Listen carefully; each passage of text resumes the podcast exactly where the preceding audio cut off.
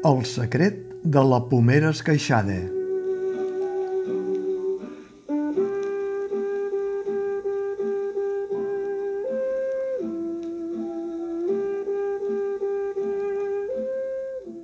El teatre lliure és més lliure si té l'encert de programar un esdeveniment com ho és aquesta recuperació d'una de les obres més punyents del dramaturg Arthur Miller.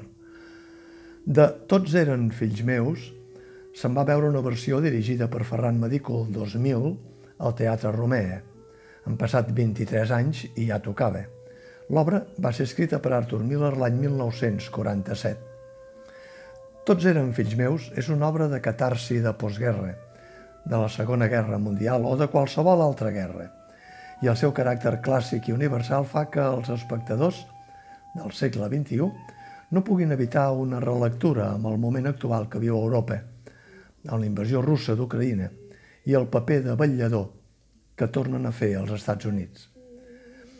I es fa imprescindible aquesta relectura perquè un any després de la tragèdia que viu el poble ucraïnès i de rebot el poble invasor rus, l'estrena de Tots eren fills meus coincideix amb la primera manifestació ciutadana global contra la guerra, una reacció incomprensiblement deixada en repòs fins ara, i amb la incògnita encara sobre la política de rearmament dels països europeus i del relleu del fabulós negoci de les armes, que ha agafat el relleu d'un altre fabulós negoci recent, com el dels laboratoris de medicaments.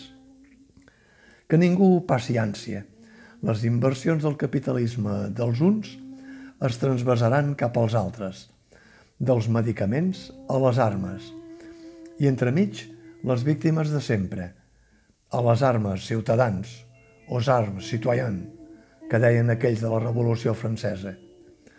Arthur Miller té una capacitat dramatúrgica de pur mestratge.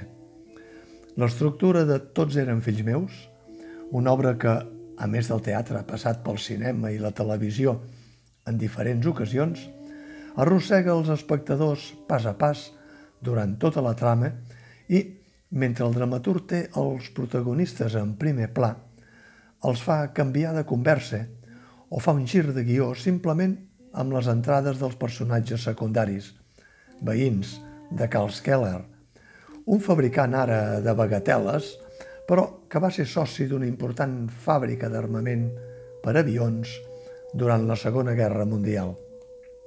Arthur Miller es basa en una història real sobre una remesa d'armament defectuós que va provocar una sèrie de morts entre els pilots d'avions de l'exèrcit americà. I aquesta és la llosa que s'arrossega durant tota l'obra. Tot i que és una trama coneguda, respectarem no dir-ne més del compte – deixem que els nous espectadors que en desconeguin el desenllaç es deixin sorprendre i deixem també que els espectadors veterans que el coneguin el redescobreixin, potser ara, amb una mirada diferent de la de fa 23 anys. Un apunt al marge. La direcció i la companyia han optat per una traducció renovada de la qual ha tingut cura Cristina Genevat, una vegada més impecable, però recordem que l'anterior, de l'any 2000, va ser una versió de l'escriptor Quim Monzó. I sorprèn que s'hagi dit, si no s'ha dit així me n'excuso, que calia revisar-la no només per l'evolució de la llengua, que és certa, sinó també perquè la de Quim Monzó incluïa expressions masclistes, en part presents, se suposa, en el text original.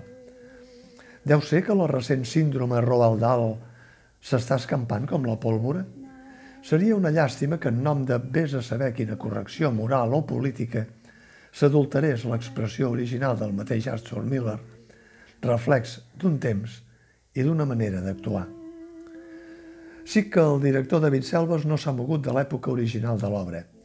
Som, doncs, cinc anys després de la Segona Guerra Mundial. Vestuari i segons quines actituds dels joves i veïns ho fan molt evident – hi ha encara el record de la mort i del rastre de pèrdua que deixa la guerra. Hi ha també el pes d'actuar sense escrúpols i per supervivència en temps de guerra. Ho diu molt clar Joe Keller. La guerra són monedes de 5 i de 10. Hi ha una metàfora escenogràfica que David Selves i la companyia ha servit amb una extrema sensibilitat. La tempesta de la nit, la pomera esqueixada, l'intent del fill Keller de remoure la terra de la pomera plantada en record del germà mort a la guerra, per remoure també el secret que poua per damunt de la història de tots eren fills meus. Deia al principi que el teatre lliure és més lliure, amb obres com aquesta.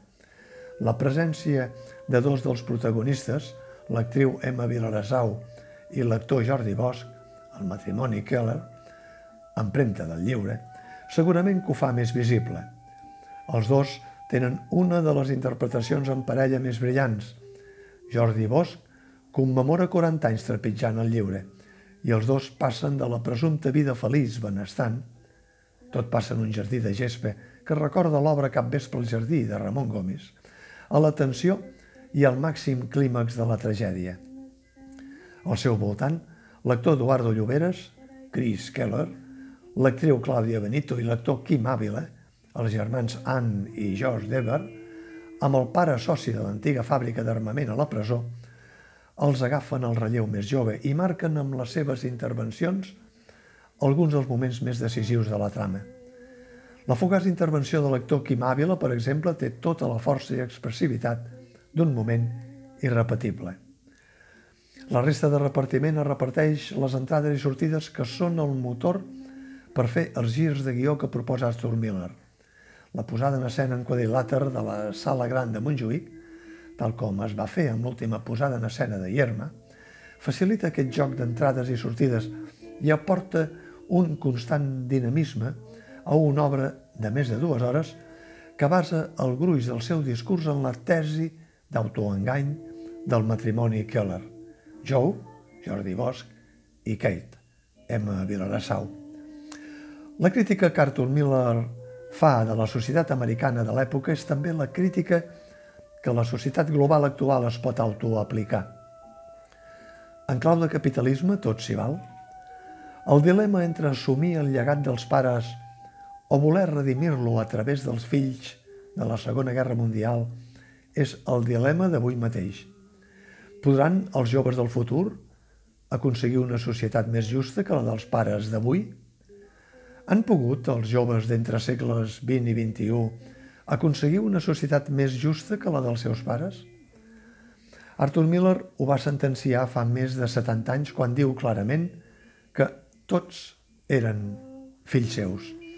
Fills de Kate Keller, fills de Joe Keller, fills de Steve Denver, de molts altres Kellers i molts altres Denvers, fills d'un temps que els van llegar ni que potser no fos ben bé el seu temps.